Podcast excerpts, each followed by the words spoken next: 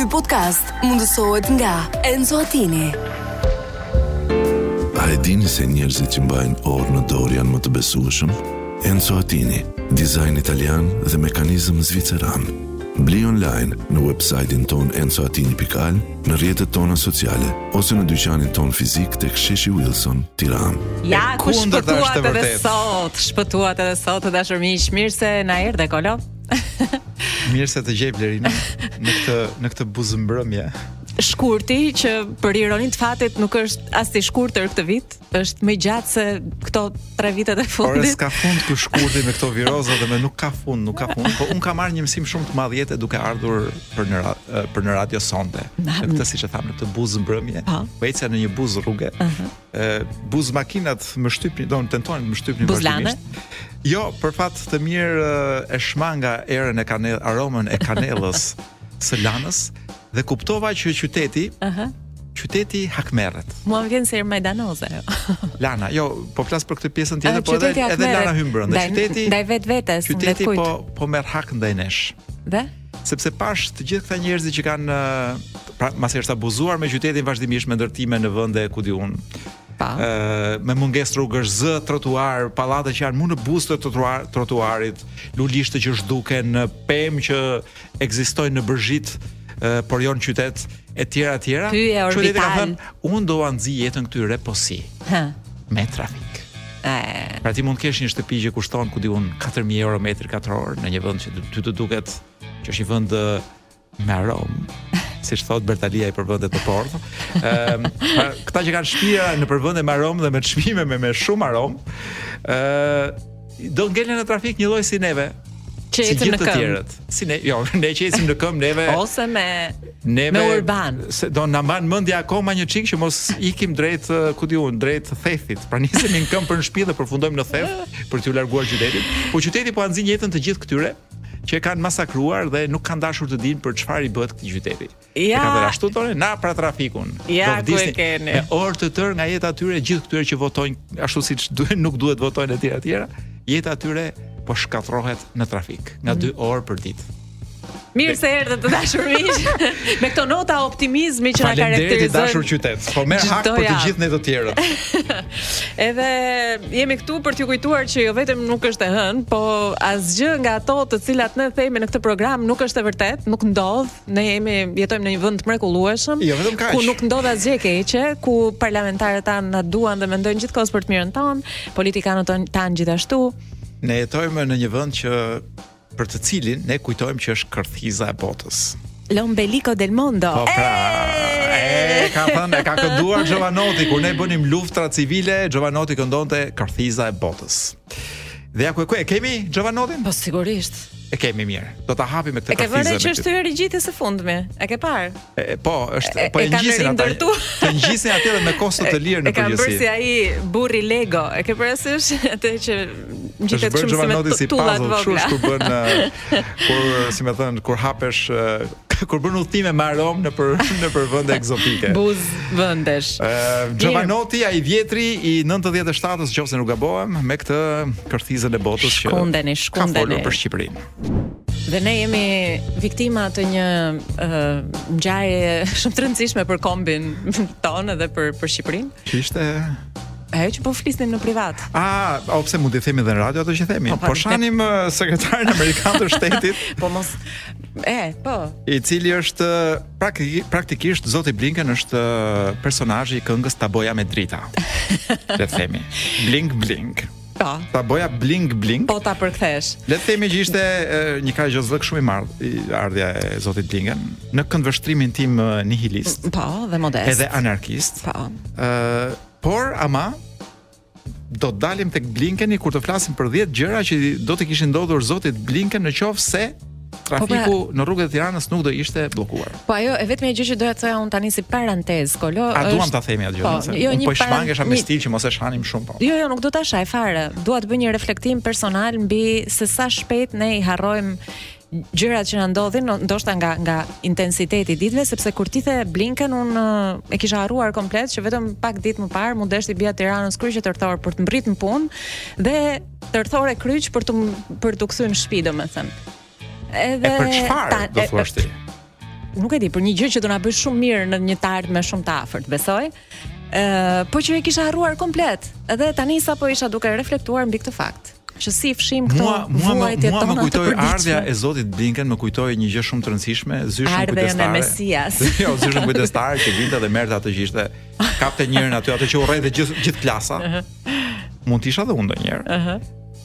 Që me demek ishte nxënësi më i mirë, po kishte hyrë mik mamaja etj etj dhe e nxirrte përpara, thoshte ja, nxënësi më i mirë i klasës.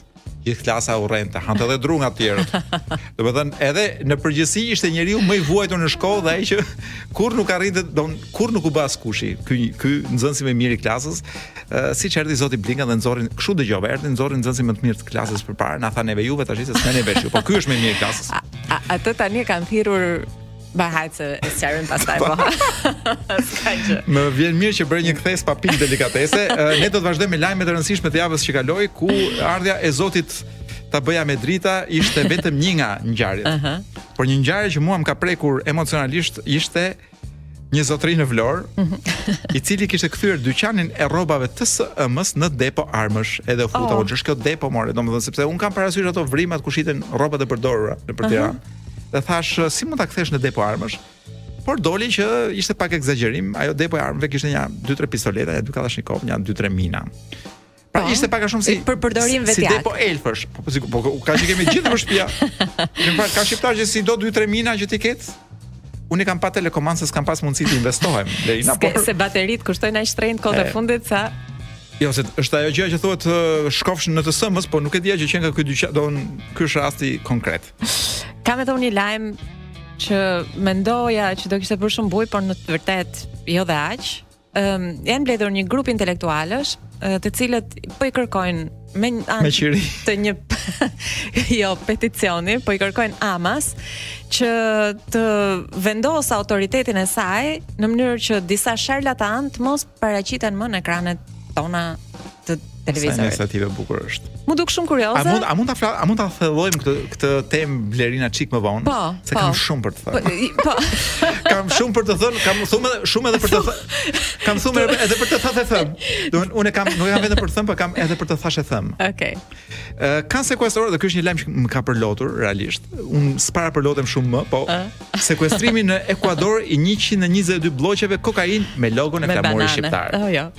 Pa. Po. Ua.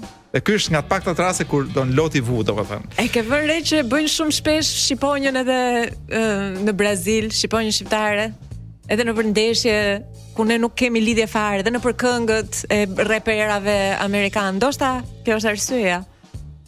E bëjnë, por nuk jam i sigur që i referohen shqiponjës. Jo, jo, e këtë... Se e bëjnë dhe në Afrikë, po i referohen strucit, për shembull. në Argjentinë i referohen lamës. po lexoj këtu ndër ndër lajmet e, e javës që kaloi dhe ka dalë një një listë, nuk e di kush e nxjerr, është shumë e rëndësishme mhm. mbas mm -hmm. mbas shpartallimit të depos uh, së Instatit, uh mhm. -huh. le ta quajmë depo, depo statistikash, mbasi hynë të ligj dhe shpartalluan në depo,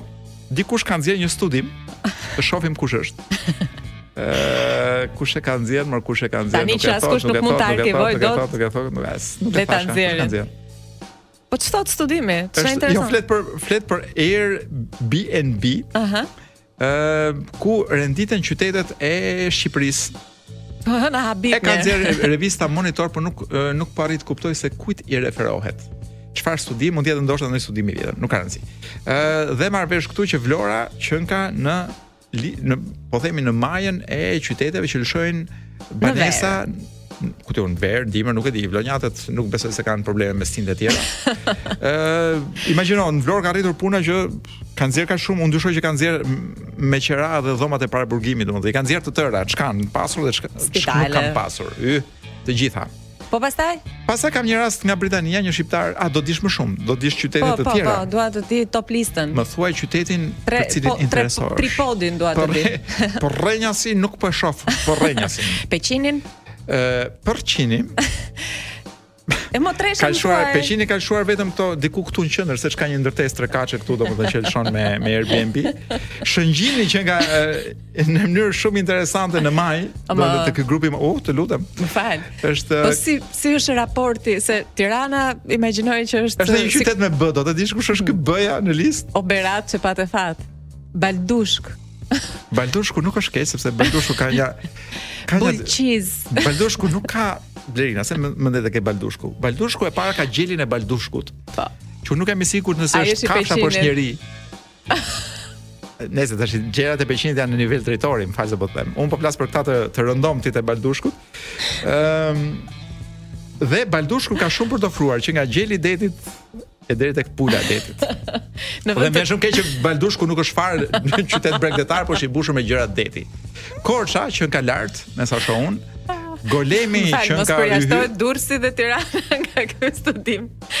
Nga kjo anketë është jo, nuk janë përjashtuar, janë të dyja brenda. Domethënë, e kemi brenda, por ë E kemi nga ah, fundi. Tani më doli më në fund se ku ku pra, ku është marrë këtë informacion, informacioni është marrë nga platforma ndërkombëtare e ëm prenotimit që është booking.com. E kuptova. Mirë. Kështu. E qartë, shumë e qartë. Kemi Golemin, kemi Korçën, kemi Shëngjinin, thamë, atë bën që bën mend ti.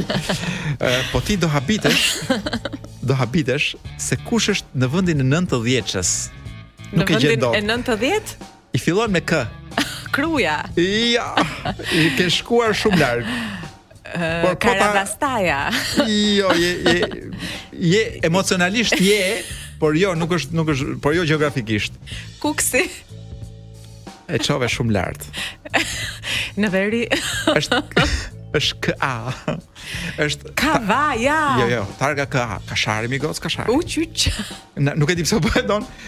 Kashari është në dhjetëshe dhe ka 1504 prona të listuara në Airbnb dhe un mendoj që këto prona nuk për, nuk përdoren nga turistët e huaj, por un mendoj që kushdo që do të largohet nga familja për pak relaks, për pak orë, për gjysmë orë. Shkon në Kashar, ku i ke të gjitha. Unë nuk e di ku i gjen ti këto. Ajrin e pastër. Nje, njerëzit e buzëqeshur. Në mes të gjelbërimit pak hapa larg kryeqytetit. Njerëz që presin të kalosh ti dhe pastaj të pështyjnë e të tjera të tjera. Ah. Do të ikim Blerina siç nga regjia na njoftojnë që e kemi tepruar. Ndjesë. Edhe unë ndjeva që e kam tepruar. Uh, nuk bëhet kjo punë kështu. Mm. Shaj këtej shaj andej. Shqipëria nuk është kjo që themi neve. po prandaj, prandaj. Është do të sjell një zot një burrë. Mm. E quan veten Dominik Ah. Oh. Po. Është francez burri i botës, se s'ka si, një allafrënga na duhet. Çfarë thotë ky më? Le courage, le courage. Le courage. Des oiseaux. Okej. Kuraja e o e peshkut, o e pëllumbit, o e një gjë e ngjashme, o e peqinit. Dhe për të mos harruar, se kështu thonë që e shkuara duhet të flitet, pra duhet flasim për të shkuarën në mënyrë po, që të mos të ripërsëritet. Kam idenë që faktin që këtë që më duket se e ke thënë në fillim të programit, njëtën Po pra.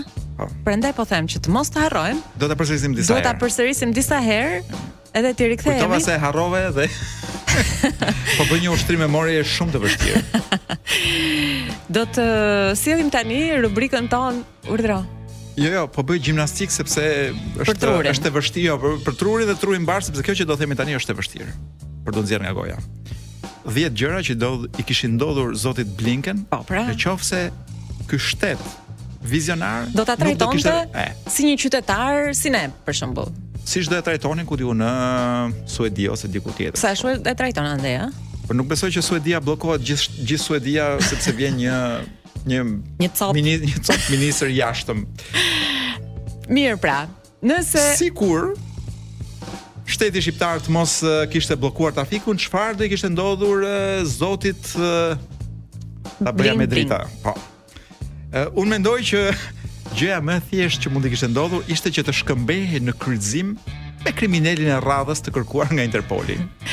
Por mund edhe t'i binte një skelë prej kamionit që transporton skela. Tani, gjëja e parë që më shkon në mendje është që do i kishin shitur me pahir një biletë telebingo, e don vet Arditi do e kishte shit. Po, po, Arditi ta dhuron, po pa që je vip domethënë nuk ta shet, po. Do të them që Blinkeni mund të kish pasur fatin të merrte pjesë në shorteun e Shën Valentinit nga dora e vetë zotit Agjë. po kalimtarët mund t'i tregonin tatuazhet e Bushit që kanë në përllërët e tyre. ja, ja, ja, ja. Unë mendoj që do kishte pësuar një aneurizëm në tru, vetëm nga një shikim që mund t'i bënte autobusëve, domethënë ose atyre gjërave që janë në të vërtetë kuti sardelesh, por ne i quajmë autobus të unazës. Mund të kishim pasur një pasojë negative, Kolo, nëse ai do do të ishte trajtuar ashtu siç të gjithë ne, sepse do të kishte qenë një më shumë prej nesh i cili i ngecur në trafik do ta shtonte edhe më tej trafikun edhe do shtonte edhe më tej shanset për t'u sëmurur nga kanceri. në mushkri prej smogut të trafikut. Më fal, ai po po të ngecte në trafik e do hante një 100 smundje, një pjesë veneriane, po do hante edhe edhe frutin. Me siguri nga ndonjë i kërkuar i Interpolit. Mm. Do arrinte në përfundimin që shumica e shoferëve në Shqipëri janë të pakënaqur me përmasat e penisit. Dhe pse do thua ti, po nuk the pse nuk e the. Nga të sharat, jo. ndoshta jo, nga nga, nga të pakënaqur. Nga format dhe përmasat e makinave. po të vësh re dhe madje ka pasur studime të ndryshme në kohë të ndryshme të njerëzimit që kanë treguar një një proporcion të zhdrejtë midis madhësisë uh, makinës dhe organit mashkullor. E qartë. Pra nga sepse nuk e di a ke vënë Blerina, po ka E kam të madh. Ka ka çuna që kanë. Shiko sa të madhe kam makinën. E, që thonë e kam të vogël. Makinën dhe vërtet do të thonë me një smart. Ë, unë mendoj që Blinkeni po të kishte fatin e keq të të ecte ose të bllokohej nga trafiku si gjithë ne të tjerët. Ë, nuk është çudi që të hante grushta nga ndonjë adoleshent i rastit Aha. me katër fenerësh. Dhe u bë kjo autokolona jote të më parakalojë mua. E bab e bub. Por, por, por, mund edhe ta kishin ndaluar autokolonën e Blinkenit, një duhanpirës i thjesht për t'i kër- për t'i kërkuar a ke menez.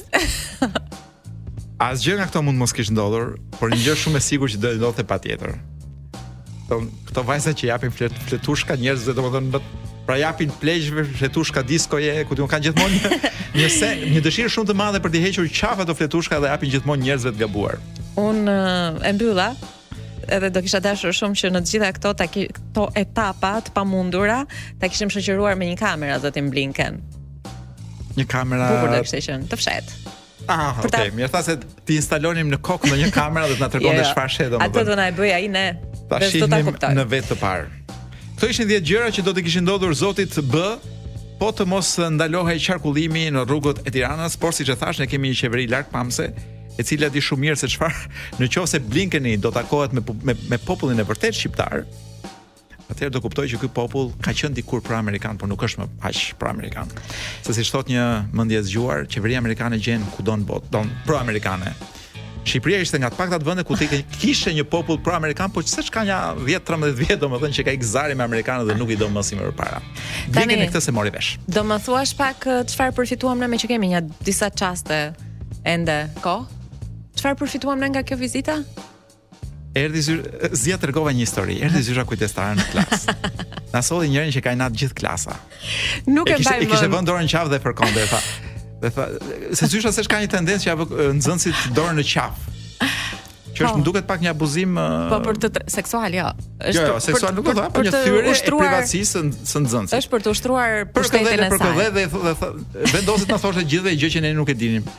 që ky është nxënësi më i mirë i klasës.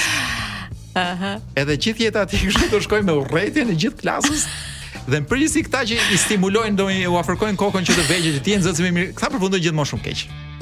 Nuk e di a të ka rastisur Blerina po ata në shkollën time që ua fërkonin kokën zyshat kanë përfunduar në përgjithësi keq. Hajde pra, të lumtë goja. Të rrimë tek ta, ë, të rrimë shtrembër dhe të flasim shtrembër. Pet Shop Boys, një grup ku di unë i themeluar vitet 70, vetëm për kurajon që vazhdojnë dhe prodhojnë muzikë, është një këngë që sa e kanë nxjerrë. Mos është që për prodhojnë të njëjtën duke qenë se s'i mban mend njeri? Jo, tentojnë vazhdimisht të rrinë si mbi ujë. Ah, Domethënë nga nga 90 vjeç, Po vazhdojmë nga këto muzikë nice, çik si nice. disco, çik si pop disco. Na pëlqen, na pëlqen. Për nostalgji, party in the blitz. Mendoj që kur pushtohet një vend nga njerëz me syze të zeza, pak a shumë një lloj muzike të tillë është në sfond. Ka njerëz kështu si çik si robotik, domethënë që ë uh, siç imagjinojmë dhe pushtimin e botës uh, nga alienët në një të ardhme jo dhe aq të largët. Tani është momenti që ti të na pushtosh. Jo, ky ky është momenti që ti të rikthesh një temë të vjetër. A, tani do ta kthejmë. Po, e ta bësh si të re. për t'ju kujtuar intelektualëve. Për t'ju kujtuar gjithmonë të shkuarën që të mos ta harroni dhe të mos ta përsërisim në të ardhmen e afërt.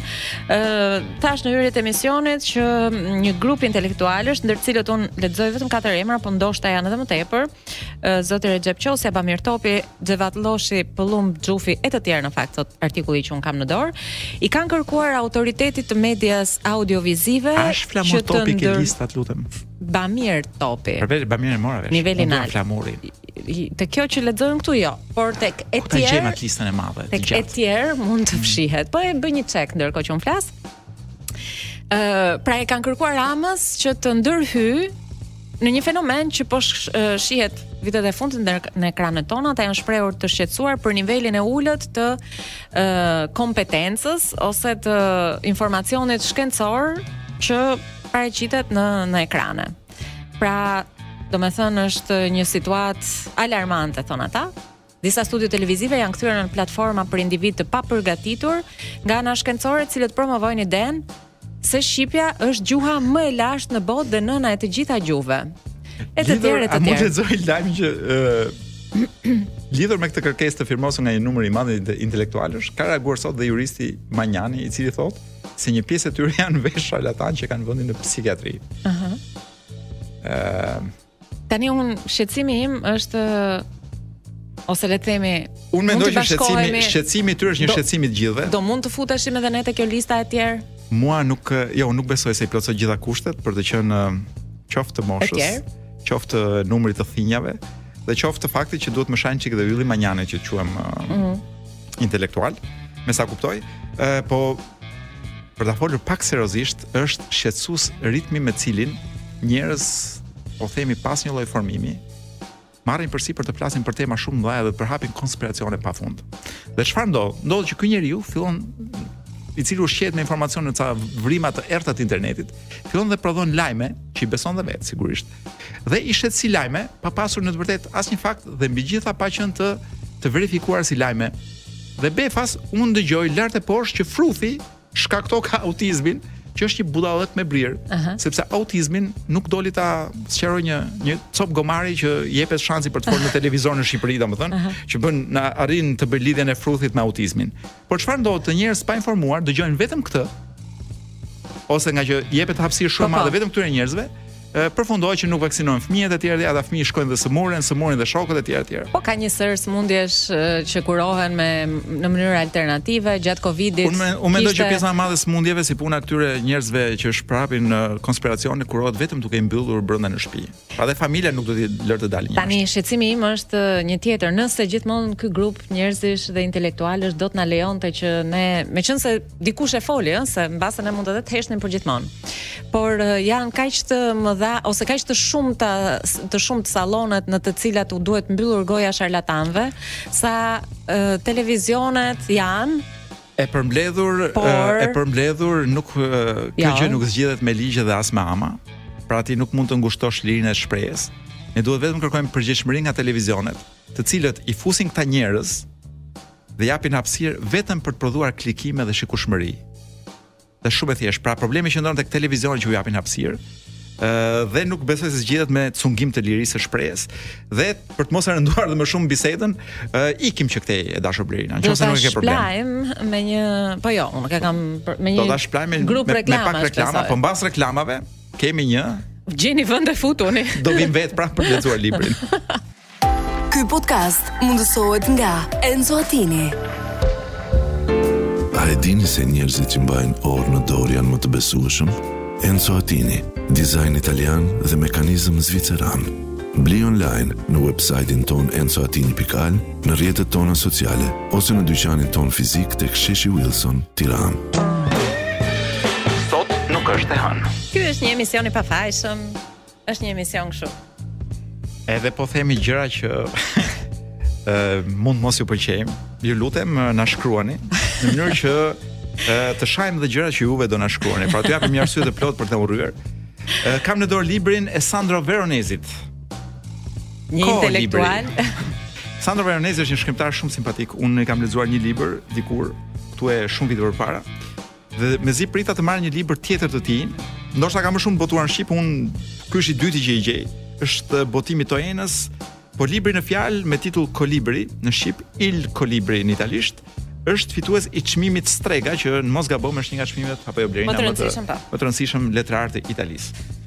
Dhe është një libër edhe nga ana strukturore, është një eksperiment shumë interesant sepse ë Është është roman, po ky e ka ndërtuar në formë puzzle. Jo lineare? Po the, po jo lineare me me me histori të shpërndara ndaj këtij. Pra ti kapërcen nga një faqe në një faqe? Jo vetëm kaq, po nga një vit në një vit. Ah. Po pra, pastaj. Pra, është duket sikur është ndarë në në kapituj në gjë, në ngjarje që kanë ndodhur në vite të ndryshme, por në fakt është një biografi e vetme. Hajde një. Po ta ë uh, po të çoj tek uh, faqja 15. i referohet vitit 1998, kartolinë për t'u tërhequr në postë Uprit. Kush e ka përkthyer? Përkthimi është i Erion Gjatollit. Mirë. Një italofil i vjetër Gjatolli. Botues siç thashë është shtëpia botuese Toena.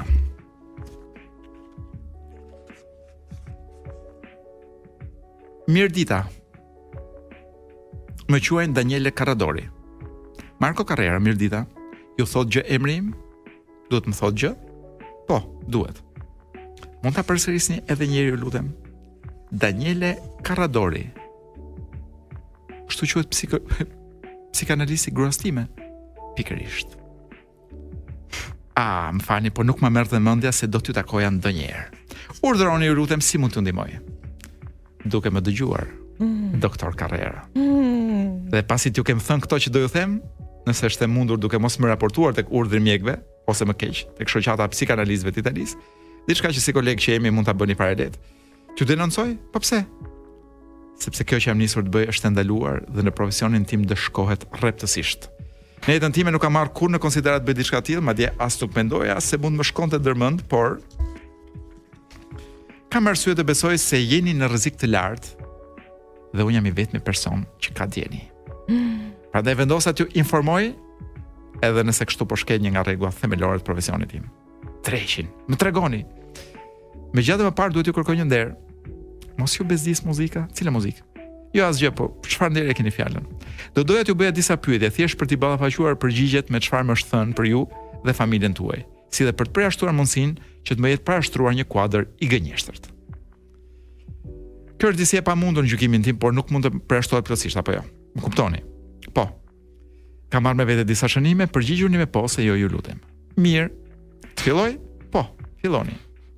Ju jeni doktor Marco Carrera, 40 vjeç, i rritur në Firenze, i diplomuar për mjekësi dhe kirurgji në Universitetin La Sapienza të Romës dhe i specializuar në okulistik? Po. po. I biri i Letizia Del Vecchios dhe Probo Carrerës, të dy arkitektë, të dy në pension me banim Firenze? Po, vetëm se babai është inxhinier. Ah, në rregull. Vëllai i Giacomos, pak më i ri se ju, banues në Amerikë dhe, dhe të më falni i Irenës, mbytur në det në fillim të viteve 80. Po. I martuar me Marina Molitorin, me kombësi sllovene, asistente aeroporti e kompanisë Lufthansa. Po. Po mëso që neve jemi. Babai i Adelës dhjetë vjeç, nxënëse në klasën e pestë në një shkollë publike pranë Koloseut. Shkolla Vittorino del Feltre, po. Dhe se nga mosha 3 deri në 6 vjeçe ishte e bindur se kishte një fije të ngjitur në shpinë, diçka që ju shtyu ju si prindër, t'i drejtoheni një specialisti të psikologjisë së fëmijëve. Magjistarit Manfrotto. Si thatë? Domethënë ashtu e quanin fëmijët, por nuk e zgjidhi ai problemin e fijes, sido që të thotë Marina. Kuptoj. Pra është e vërtetë që u drejtuat iu drejtuat një psikologu për fëmijë. Po po nuk e kuptoj se çfarë lidhje ka me... Ju e kuptoni pse jua bëj këto pyetje apo jo. Unë kam vetëm një burim informacioni dhe po verifikoj nëse është i saktë. Është një detyrim moral që nuk mund ta anashkaloj duke pasur parasysh se çfarë kam ardhur t'ju them. Mirë, po çfarë keni për të më thënë? Edhe disa pyetje nëse nuk ju vjen keq. Këto janë pyetje disi më intime, të cilave do t'ju lutesha t'u përgjigjeni me sinqeritet të plotë. Jeni dakord? Po. Ju luani bixhoz apo jo? Po. E po tani nuk luaj më. Por mund të thuhet se në të kaluarën keni qenë kumarxhi apo jo? Po. Në të kaluarën po. Dhe është e vërtetë që deri në moshën 14 vjeç keni qenë shumë më i shkurtër sesa bashkëmoshatarët tuaj. Kaq shumë sa nëna ju kishte vënë nofkën kolibri. Po. Dhe që në moshën 14 vjeçare babai ju çoi në Milano për t'ju nënshtruar një trajtimi eksperimental me hormone, pas të cilit fituat një shtat një shtat normal, duke u zgjatur gati 16 cm brenda vitit.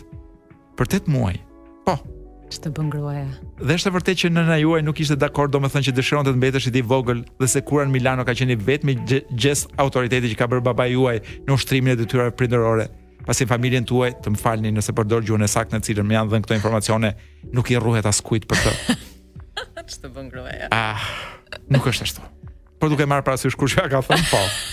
Marina këtë mendim ka patur gjithmonë. Nuk është e vërtetë se nëna juaj nuk ishte dakord apo që nuk i rruhet askujt për baban. Nuk është e vërtetë. Prit, nuk është e vërtetë që nëna juaj nuk ishte dakord apo që nuk i rruhet askujt për baban. Nuk është e vërtetë që nuk i rruhet askujt për baban tim. Vetëm se shumëkush e ka pasur këtë përshtypje, sidomos Marina. Kanë karaktere shumë ndryshme ajo dhe babai im, saqë në shumë raste Nuk keni nevojë të më shpjegoni asgjë, doktor Carrera. Më thoni thjesht po ose jo, mirë. Mirë. Është e vërtetë që prej shumë vitesh keni pasur një lidhje me një grua me të cilën keni qenë gjithmonë i dashuruar, të quajtur Luiza Lates, aktualisht banuese. Çfarë? Kush e thotë këtë? Gjejeni vetë. nuk është e mundur. Marina nuk mund të ketë thënë se përgjigjuni vetëm me po dhe jo, ju lutem.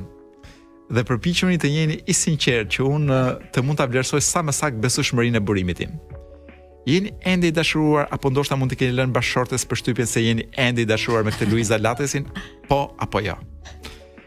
As pak. Pra nuk e takoni fshehurazi gjatë konferencave ku merrni pjesë në Francë ose në Belgjikë ose në Holandë, ose në përgjithësi në vende jo shumë larg Parisit ku banon Latesi? As në verë në Bolgeri ku keni ku kaloni muajin e gushtit në dy shtëpi ngjitur me njëra tjetrën? Po kjo është qesharake. Shihemi çdo verë në plazh me fëmijët tanë dhe ndoshta nisim ndonjë bisedë. Po nuk ka rënë ndonjëherë në mend po nuk më ka rënë ndonjëherë në mend, po nuk na ka rënë ndonjëherë në mend të kemi një lidhje, siç thatë ju, as të shihemi fshehtas kur shkojmë për konferenca. Shikoni, nuk kam ardhur këtu për t'ju gjykuar. Thjesht po përpiqem të kuptoj nëse më është dhënë, nëse më është thënë për ju, prit. Thjesht po përpiqem për, për, thjesht po përpiqem të kuptoj nëse sa më është thënë për ju është e vërtetë apo jo. Pra, nuk është e vërtetë që ju dhe kjo grua takoheni fshehtas. Nuk është e vërtetë, jo. Dhe ju e përjashtoni që gruaja juaj mund të jetë e bindur për këtë edhe pse nuk është e vërtetë. Sigurisht që e përjashtoj. Ato janë dhe shoqe. Shkojnë për hipizëm bashkë. Domethënë, vetëm ato dyja. Na i lënë fëmijët neve burrave dhe shkojnë e bëjnë xhiron nëpër fshat gjithë paraditen. Kthejmë faqen. Ke dhe 17 sekonda. A po, po e lë atëherë. Ë çmimi është 1500 lek, por uh, unë mendoj që një fitues i çmimit Strega në Itali, kolibri i Sandro Veronezit, një eksperiment uh, strukturor letërsi. Më pëlqeu shumë. Mendoj që ble direkt. Ja vlen. Blerina mund të të Në ato raste, jo, do ta blej. Mund të ta dhuroj. Jo, jo, mos mos mos guxo. Dhe këtë libër që ka marrë ajrin e radios tashmë. Mos guxo. Blerina. Urdhëro. Ë do të të prezantoj me një këngë të 1969-s. Në orën 18:54. Ky burri është francez mos gaboj, Salvatore Adamo. U habita shumë kur e dëgjova këtë këngë shumë të vjetër, Në version japonez. Ah, që kanë nxjerrë së fundmi. Do të më lejosh të bëj uh, urimet dhe Japonisë me rastin e Jo. Jo, jo Kornos. Ah. Ka pasur dje 91 vjetorin, më qenë se po koincidencë deshi. Po. po. Gëzuar, si thon gëzuar, nuk e di. Mund t'i thon Yuki Gafuru. Yuki Yuki Gafuru uh, duhet të jetë përkthimi i këngës që është Tombe la neige. Uh, ah. Bora. Kështu që Yuki duhet të jetë ose Bora ose Bie. Ose Gafuru.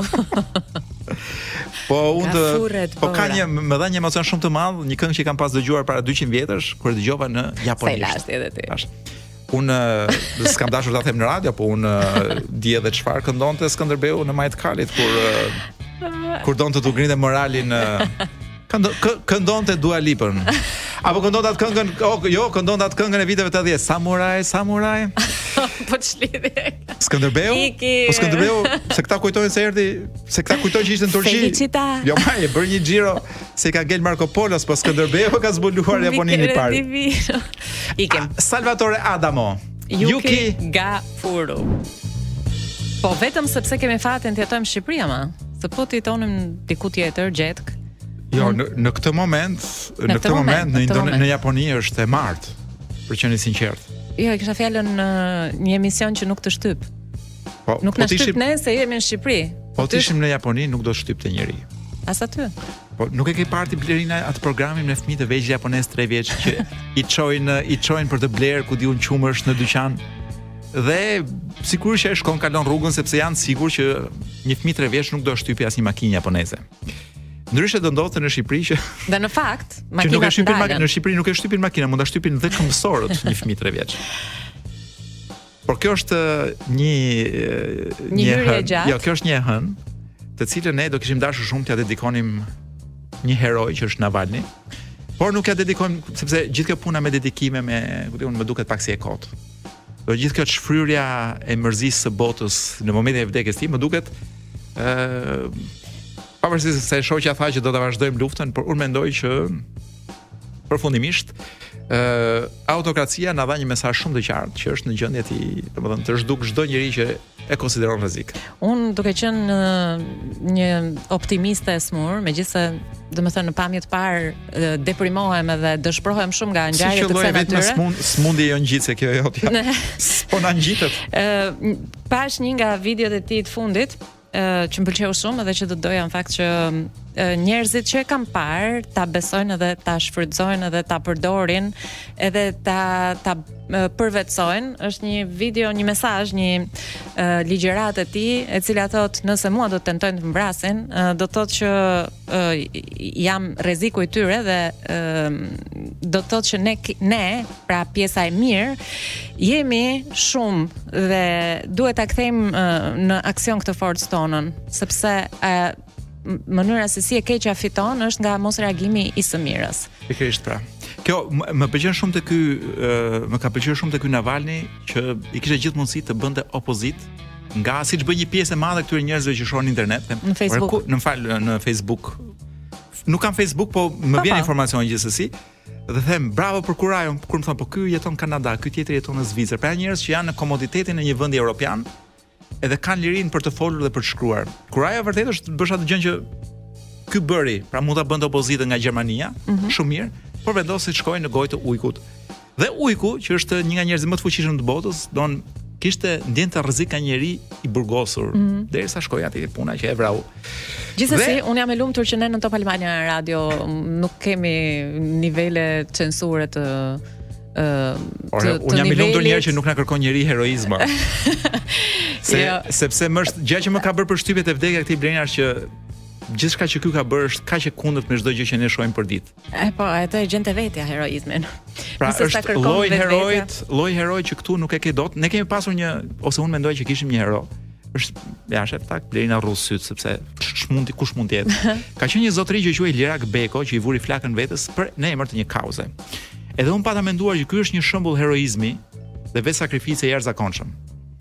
për kauzën që ai besonte. Mm -hmm. Dhe ë mendova që shembuj si ai mund t'i bëjnë mirë Shqipërisë. Tani jo, vetëm që është harruar ky Liraku dhe nuk e kujton më njeri. Por unë nuk shoh që Shqipëria të jetë bërë ndonjë çikë më mirë nga sakrifica e tij. Mm. Por fat i mirë që bota nuk është Shqipëri dhe njerëzit në botë ndoshta mund të marrin shumë kurajo nga nga nga shembulli dhe nga Gjithsesi Navalny nuk do ta kishte vrarë veten, ëh. Ç't'i bësh që rastisi në disa rrethana misterioze dhe papritur i pushoi zemra. Ë, kështu që prandaj un jam falënderuese që jetoj në Shqipëri, edhe për ca kohë që s'kemi mundësi të shohim njerëz për shohim imagjino Lul Bashën në në burg që e çojnë në ku kemi ne burg në Theth. Ku kemi ne burg kështu në kushte shumë të vështira. Po.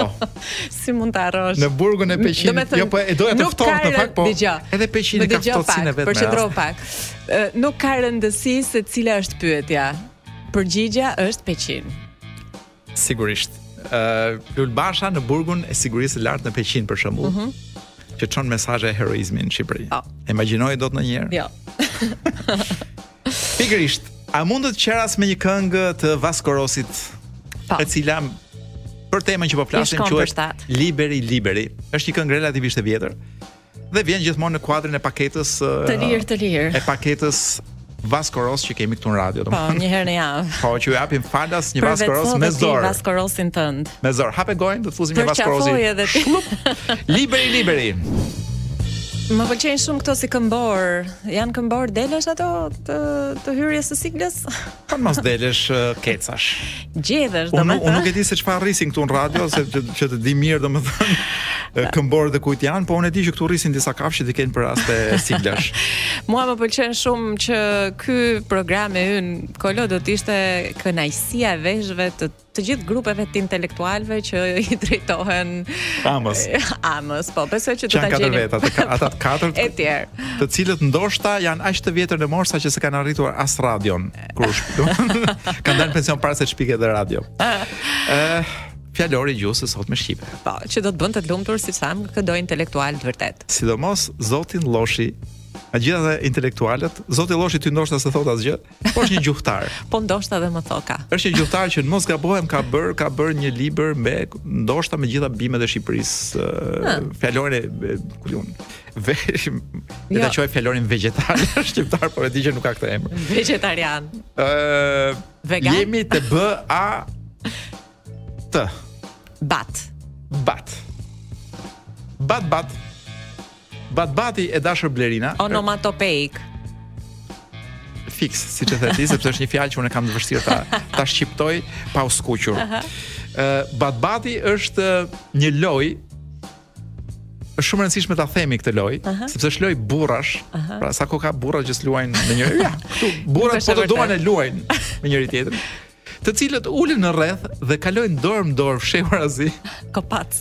Një shami të lidhur nyjë. Pra shiko ça, pra e para janë të ulur. Çfarë fantazie. E dyta bëjnë një gjë fshehurazi. Kjo gjëja është një shami.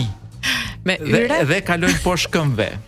E kalojnë poshtë këmbëve, poshtë poshtë gjunjëve sepse janë në formë rrethi. Çfarë them? Ëh, ku e lashë? Të në po, të lidhur nyjë, shamia është e lidhur nyjë. Duke qëlluar lojtarin e mesit derisa ai të gjejë atë që ka shaminë. Pa të mërës. Edhe ndoshta s'është kjo që kujtojmë, po është një lojë tjetër seç ka dhe me të rrahur. Unë e dija pa të rrahur këtë. Po ky bat bati i fjalorit e ka me të rrahur. Dhe rrahin njërin. Kupton, a ka gëzim më të madh për një burrë? Kjo të këtë që ajo lojë, burrat në një lozin ku vendojnë Pika që s'bi, se nga nga... Do të jetë... Uh, pika u binte nga, nga, nga, nga druri shok, dhe jo nga gratë, po hajt, po. Më vjen shumë mirë që burrat kishin gjetur një formë për ta për ta nxjerrë jashtë loje, pra për ta invalidizuar një shokun e tyre. Ë, kështu si në formë loje. Ama në atë mënyrë mund të shfryje edhe ndonjë farë dufi të vogël, meraku që të kish ngelur nga ndonjë Ha, qejf qejfmbetje nga ndonjë mik. Fut te bjer, fut te bjer. Fut te bjer duhet ta kemi besoj edhe te gërma F. Po jemi ke B-ja. Blerina. Po. Në qofë se ti do të takoje një fik, do rastiste të takoje një fik të hershëm, që bën kokrra të mëdha dhe të bardha. Hmm. Si do si do prezantoheshe me atë? Ti do thoje emrin, çfarë do thoshte ai? Do thoshte unë jam batec. Sepse një fik i hershëm që bën kokrra të mëdha të bardha quhet batec. Aha. Bateca, batecët. Ë bateritë i dim, ushtarake, ë e të tjera. Uh, bateri po janë dhe një grup pilash, radio me bateri, pajisje e përbërë, sportive, bateri atletësh, uh, batërdinë, oh, e jetoj përditë. Ehm, um, çfarë kemi tjetër te B-ja këtu? Batërdisi, batërdisem, batërdis, batërdisur, baticë. Shpresoj që ta dini baticor, nuk do lodhem t'ju shpjegoj. Batim. që vjen nga folja batohem. Edhe këtë e dinë. Ata që s'e dinë është le të pyesin Blerinën, le të pyesin Blerinën. Kur të merr Rana. Ta shkojmë te një lojë tjetër. Batinas. Loja Batinas është krahinore, po si gjithmonë nuk e thotë kurrë se cilës krahine. Cilën krahinë luajnë këtë lojë? Është një lojë fëmijësh me tri rrasa guri të vëna me këmbë. Ëh. të cilat pala kundërshtare përpiqet t'i rrëzojë duke i goditur. Okej, okay, mirë, lojë e lezetshme. Po. Ë vetë batina na qenka një rrasë guri që vihet në grackën për të zënë zogjtë. Ah, Batina është ajo rrasa që vë ti, domethënë, vije diku pa. dikur kur do të kapje zogjtë tashmë. Që ngjet tek shumë shkop. Ka mjete më brutale po për të për të kapur zogjtë. Është bukur. Batisja është uh, version i shkurtër i shkurtuar i batërdisjes. Ëh. Uh -huh. uh, por batisë është edhe rrëzimi për tokë përmbysja plak t'i plakosësh sipër ta vësh poshtë etj etj.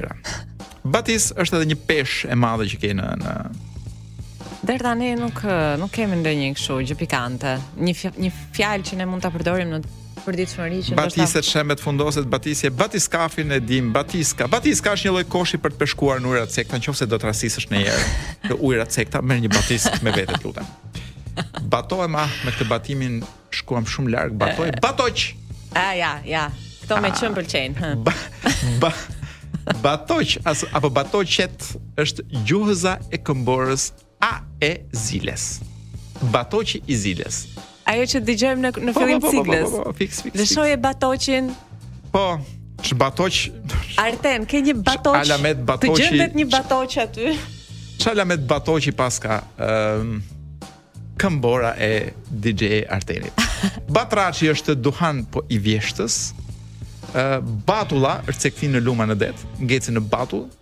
Bathët, çfarë të them? Hmm. Te bathët nuk po ndalem, po ka dhe bathët e egër, ka dhe bathë deti. Ndryshe, çiçibanoz. Okej, okay, e kisha dëgjuar. Më vjen shumë keq Blerina sepse çiçibanoz unë mendoj që është një nga fjalët më kumbuese të shqipes. Po, ta ruaj. Çiçibanoz. E kemi të huazuar apo? Bathra, bimë pra ishte, ë? E kemi të huazuar Çiçi Banozin? Jo, më këtu thotë, me siguri, këtu thotë botanikë Çiçi Banoz tash. Jo. Okej. Nga tingëllima më vjen çik kështu sikur Ë. më vjen si nga mrapa. Ë bathër, bathra, bathra, janë bimë barishtore njëvjeçare, bathëza, prap një bimë bishtajore. O ç'i paskemi bërë bathës neve, domethënë në gjitha format e mundshme bathorja Është tokë e mbjellë me bathë. Uh, unë kam pasur një shok me mbiemër Bathorja ne kemi një lagje të tërë me një krahin, një krahin do të tërë me emrin Bathorja. Po ndërtuar aty. Po, dikur kishte bathë. Tashmë ka njerëz. Nuk do ta shoh më një si më parë këtë krahin. këtë lagje pra.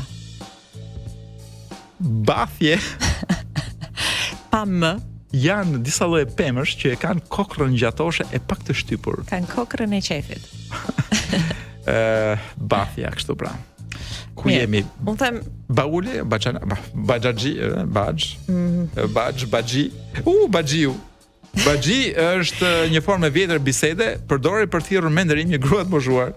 Ua, ne ne ne baxho çoshe çoshe dinim, po po s'e dinim baxhin. Ç'është baxhia? Baxhia është një grua e shkuar në moshë që lante gratë e vdekur, gratë e vdekura të myslimanëve thirrëm baxhin, e laftë baxhia. Kurse baxhoja E dimë gjithë se ç'është baxhoja. Po, unë them të, ë? Po po, mos e na na. Do po e mbarojmë shqipen me kaq frymë sa po lëmë. Billy Joel. Billy Joel e ky shekullor po ka dhënë një këngë të re. Edhe ky me Blinkenin e paska. Me, ata e kanë kushtuar një seri të plotë tek Big Big uh, Bang Theory, Theory, ku dy personazhet zbulojnë që janë të dy, domethënë fansat e Billy Joel. Uh, unë s'kam qenë fan shumë i madh, por kjo këngë është simpatike. Turn the lights back on. Sa ka dalë? 3 ditë. Jemi akoma në punë, ëh? Po jemi dhe jemi në, po themi në, në orën e dytë të trans madje në 3 në gjysmorëshin e fundit të transmetimit. A mund ta specifikosh jemi në minutazhin e lirë, ku jemi të lirë të të nxjerrim gjithçkemi nga xhepat e t'i hedhim në në publik. Unë kam ja 3-4 studime, kam ja 2-3 budallëqe nga këto kuriozitetet po njëri është si simpatik sepse është me kishë. Jo me kishë, por me pastor. Dhe meqenëse neve kohët e fundit po mësohemi me idenë e pastorit që dhe dhe e përmenda aty, po jo. Pastor i vërtetë është ky që kanë kapur në mhm. Connecticut, mm -hmm. i cili mbaronte atë sermonin, ceremoninë e vet në kishë dhe dilte jashtë te dera e kishës dhe shiste met metamfetamin si në formë kristali, po dhe në formë, ku di unë, të lëngshme, nuk e kuptoj mirë. Pra, është një pastor ashtu siç duhet, domethënë pasi të të gëdëng kokën me predikime, të jep edhe mjetin për t'i bërë këto predikime të gëlltitshme. Unë kam një tjetër lajm të jashtëzakonshëm, Aleksandri, ë, uh, cili me ky portokallis? Jo një tjetër, një i egër mjaftueshëm. Edhe ky Sandri i Portokallisë, po ta egërsosh? Po jo Putini. Po ah. rus edhe ky gjithsesi. Aha, aha, që kemi në botën po, po. Eh, e marrëdhënieve ndërkombëtare. Po. Ka përdorur në Tinder, ti e di ç'është Tinderi? Është aplikacioni ku As e di, as dua ta di, as kam parë kurrë me sy, Po Hera dëgjoj, parë që dëgjoj dëgjoj për të. dëgjoj se ç'bën bota, dëgjoj. Shpjegoja një çik njerëzve se unë nuk e di. Në se çfarë- Tinder, për çfarë po flet. Aleksandër Zhadani, që nuk pff, mbiemri më duket pak e tingëllon pak i çuditshëm, ë ka hyrë në bisedë me 5000 gra. Në fakt nuk ka qenë tamam ai, ka përdorur ChatGPT-n për ta bërë këtë. Dhe pasi ka folur me pesë mijë gra, ka arritur të gjejë the one, atë që do të do ta zgjidhte më pas si gruan e jetës së tij.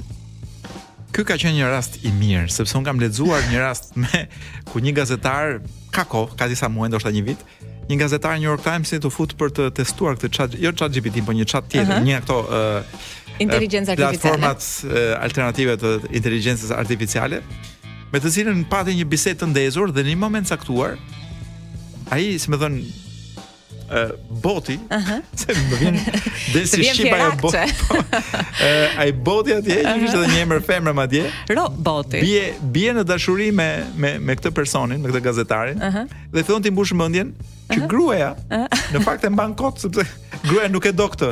Ti, thotë, më do në të vërtetë vetëm mua. Uh -huh. Për pak i ndau. Po. Dhe ai e publikoi të gjithë bisedën pastaj në New York Times dhe ishte një meqë jemi... kënaqësi shumë e madhe për shqisat. Te ChatGPT-ja mund të them që edhe fituesja e çmimit më të lartë të Japonisë për letërsinë ka pranuar se ka përdorur programin ChatGPT. Po tani. E vranë unë... me gurë pastaj. nuk do ta lexoj vazhdimin, por ajo që më habit mua është, nëse tashmë përdoret kaq gjerësisht ky aplikacion dhe këto platforma të inteligjencës artificiale. Pse nuk i përdorin dhe ato që vlerësojnë tekstet? Kush tha që nuk i përdorin? po të paktën t'i zbulojnë. Lena ti do habiteshe edhe me nivelin uh -huh. uh, e lartë të përdorimit të ChatGPT-së në Shqipëri. Ku? Uh, Ku për çfarë? Të të jap një rast. Ha. Një pedagog për shembull, uh mhm. -huh nuk lodhet për të krijuar modulin e punës me nxënësit mm -hmm. ditën e nesërme. Ah. Por futet në ChatGPT dhe i thotë të lutem, bëj një, unë dua të flas për një dy tre tema, jep disa orientime të caktuara, se nuk do i tregoj të gjitha këtu se çfarë ndodh. Se pastaj merret vesh dhe kush ma ka thënë këtë bisedë. jep dy tre orientime e korrigjon pak rrugës i thotë më rregullo pak këtë, më rregullo pak atë, edhe ChatGPT-ja ta bën programin Po. E, e mësimit për nesër uh -huh. në një formë që ti nuk do ta kishe bërë kurrë sikur të kishe ndenjur 3 javë duke u marrë. Po ndërkohë është edhe i aftë ta ndjekë apo pastaj për ta zbatuar ChatGPT-ja ngelet në kompjuter tipo, po mbyll kompjuterin nuk të ndjek dot nga mbrapa. Për fat të mirë. Nuk është si një grua që ti e takon në autobus dhe befas thotë ku e ke shpinë se po vi me ty. E kuptova. Ke lajm tjetër apo Unë kam një dy tre unë me një tjetër studim. Më çudit, më çudit, se unë i kam studime, po i kam shumë pozitive dhe thën... nuk ndihem aq pozitiv sa për të thënë. për të thënë se sa studime të panevojshme, krejtësisht të padobishme bëhen ditët e sotme. Ë, uh, mua më zunë sytë një studim i cili kishte marrë në shqyrtim ë uh, se në cilën orë të ditës lindin më shumë fëmijë. Domethënë dhe për këtë rast më duket krejtësisht e panevojshme që të shkojmë tek teksti, po nëse do ti mund të të them që më shumë fëmijë lindin nga ora ë uh, 9 e mëngjesit deri në orën 5 masdite. Që është orari i punës i, i mjekëve që që operojnë me cezarian. Dhe është sa çu sa e çuditshme që jo, nga sepse nuk po flasim për Shqipërinë, Kolo, po flasim për ato vende që ende e e nxisin, i nxisin gratë të, të lindin në mënyrë natyrale, ë uh, sepse e shpjegon kjo, jo se e di unë, domethënë po e thotë. ë uh, kështu që mm, një pjesa tjetër e atyre që mbeten, pra lindin nga ora 5 mbasdite deri në 9 mëngjesit. Blerina, A mundet unë të kërkoj në çfarë do bësh ti ndërkohë që ose lëshojmë pak muzikë që unë të kërkoj në ChatGPT. Kam edhe një të Që të më orientojë se çfarë duhet të bëj unë për ta pasur lindjen e fëmijës gjatë këtij orari. Ty të iku shansi për ta pyetur, po kam kisha edhe një tjetër shumë të bukur. Pse më hoqe? Atëherë do të të flas unë për këta njerëz që besojnë në në astrologji. Hajde. Ja e gjeta. Ah. Dikush prenotoi një shtëpi në Airbnb dhe mbasi e shfrytëzoi, po shau, jo në Kashar, Kashar, ka hapësirë, shau pronaren e Airbnb-s, uh, duke u ankuar për kushtet që s'ishin aspak të këndshme. Ja vajte nxore me shqelma nga shtëpia vet.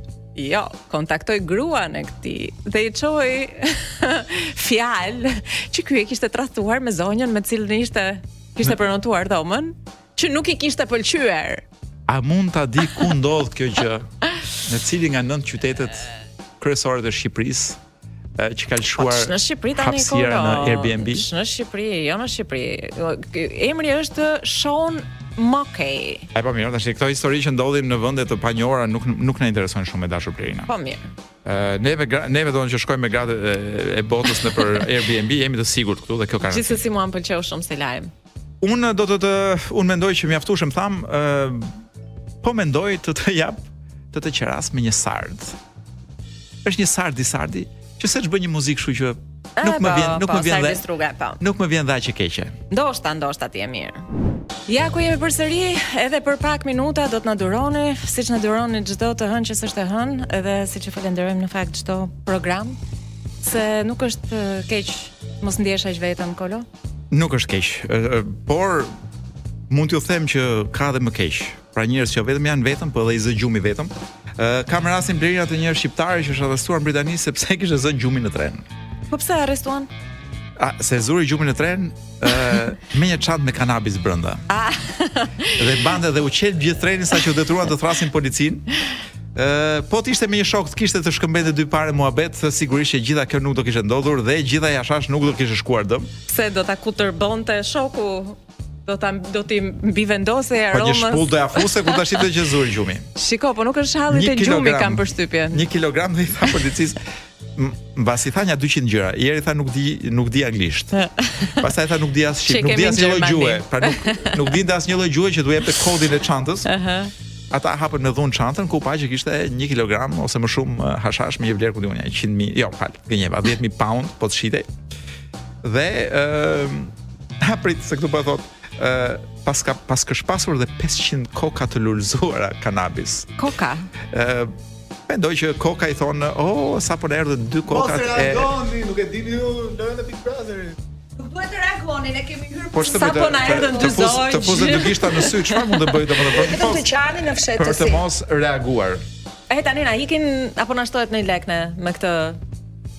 Juve ju thjesht mbaron koha radiofonike, kështu më mirë ikni ju tani. Shkoni ju në shtëpi të pushoni. Edhe keni gjithë ditën rrugëve. Po të shplodheni, çfarë ka ndodhur diçka bukur që ne nuk e dimë akoma? Në lidhje me Big Brotherin, shumë situata të bukura janë futur banorë. i imagjinoj dëgjuesit tanë tani që papritur, domethënë janë të shokuar nga çfarë po dëgjojnë.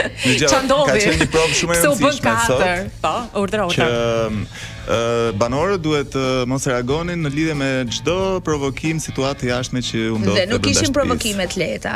Hyn vllai i Ilnisës, Ilnisa del në oborr edhe sheh vllain aty dhe nuk duhet të reagoj, po thjesht ka bërë xhiro, xhiro nëpër pishinë me lot në sy dhe pra, nuk do kisha asnjë shans në Big Brother sepse për ata që vetëm dëgjojnë dhe nuk kanë uh, mundësi të shohin se ç'po ndodh në studio, Ndërkohë që fliste Blerina nga mbrapa na erdhën dy moderatorët e emisionit që, që vjen pas që vjen nga mbrapa. Nga pas, ju Elona- para dhe mbrapa. Elona Si- Duro dhe sikurse Edi thosh. Shehu. Edhe pastaj hyn dhe Rita Lati, Roza shpërthen gjithashtu në lot, jo po shko jo këtej, po ndeti shko ë goxha.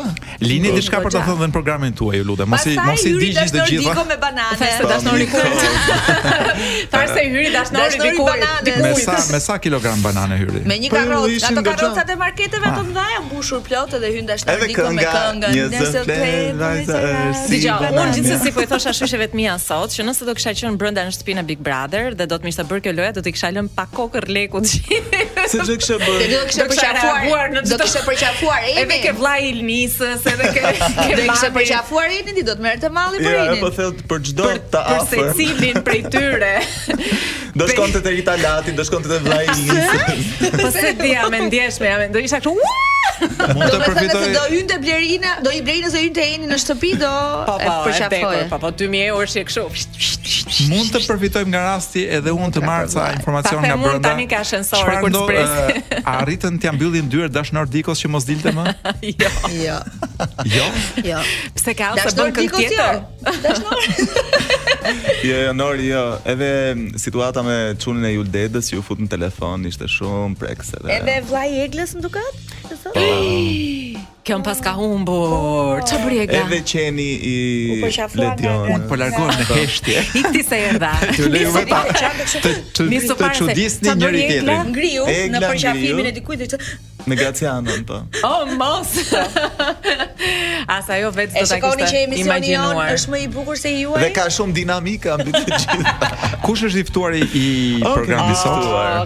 Sa bëre mirë që pyete, sepse Eni sot është kujdesur për dy të ftuar shumë të mirë, është djali i kujt? Djali i Gazit. Djali i Gazit. Oh, Eni Kalashi. Edhe Dea Vjeri. Dea. Po, një nga banorët e eliminuar. Kështu kemi punë sot, kemi